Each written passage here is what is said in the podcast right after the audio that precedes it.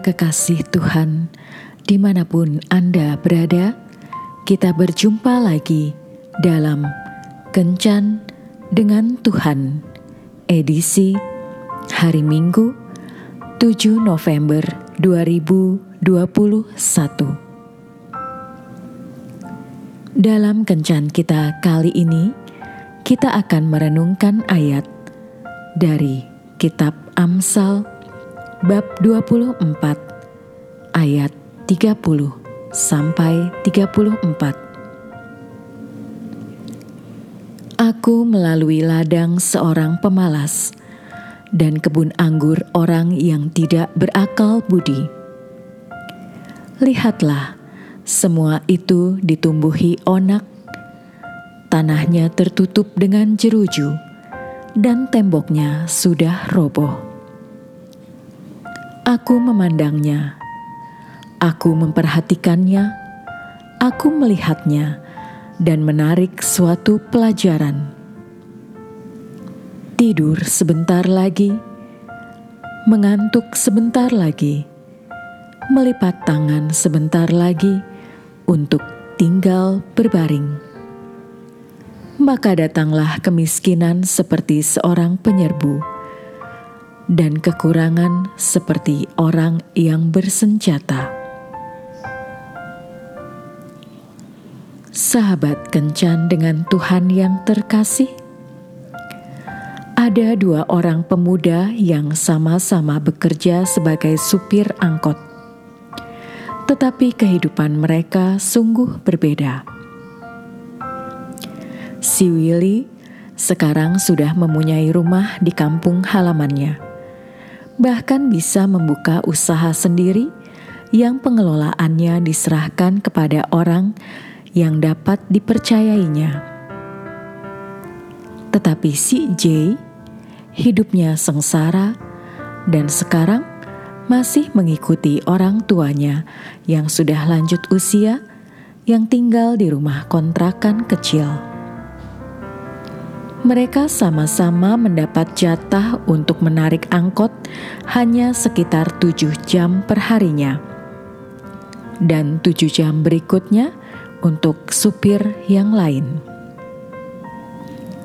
Willy menarik angkot dengan tekun serta memanfaatkan waktu tujuh jam itu dengan sebaik-baiknya.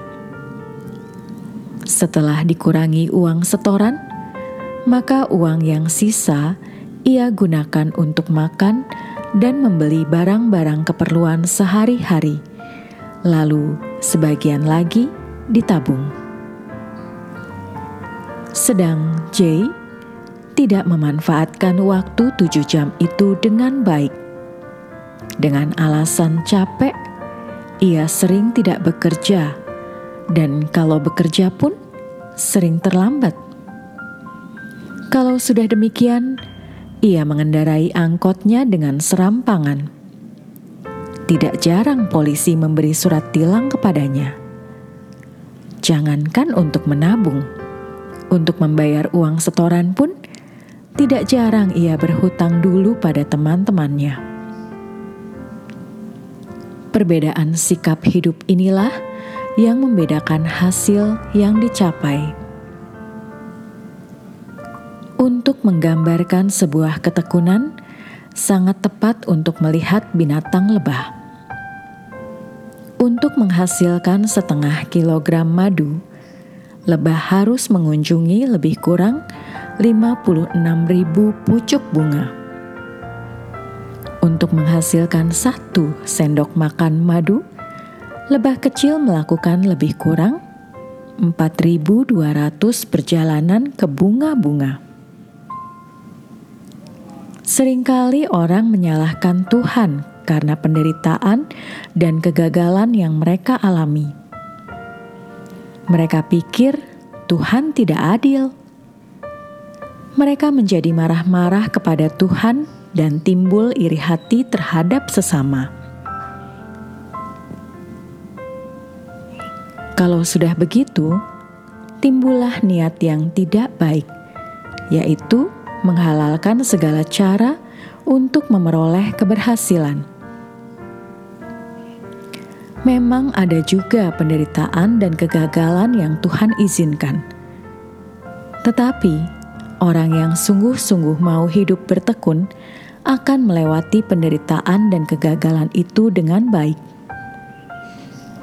Parahnya, kalau orang tidak mau menyadari bahwa penderitaan dan kegagalan yang dialaminya adalah akibat ketidaktekunannya. Oleh sebab itu, jika saat ini kita belum berhasil, tetaplah bertekun dalam usaha kita. Apa pun bidang usaha kita, jika kita tekun berusaha dan tetap bersandar pada Tuhan, maka kita akan siap menuai hasil yang memuaskan. Pergunakanlah waktu yang Tuhan berikan dengan tekun dan berusaha. Jangan biarkan kemalasan serta iri hati menguasai hidup kita. Tuhan Yesus memberkati. Marilah berdoa. Tuhan Yesus, mampukan aku untuk memanfaatkan waktu dengan sebaik-baiknya, sehingga hidupku berhasil dan namamu dimuliakan. Amin.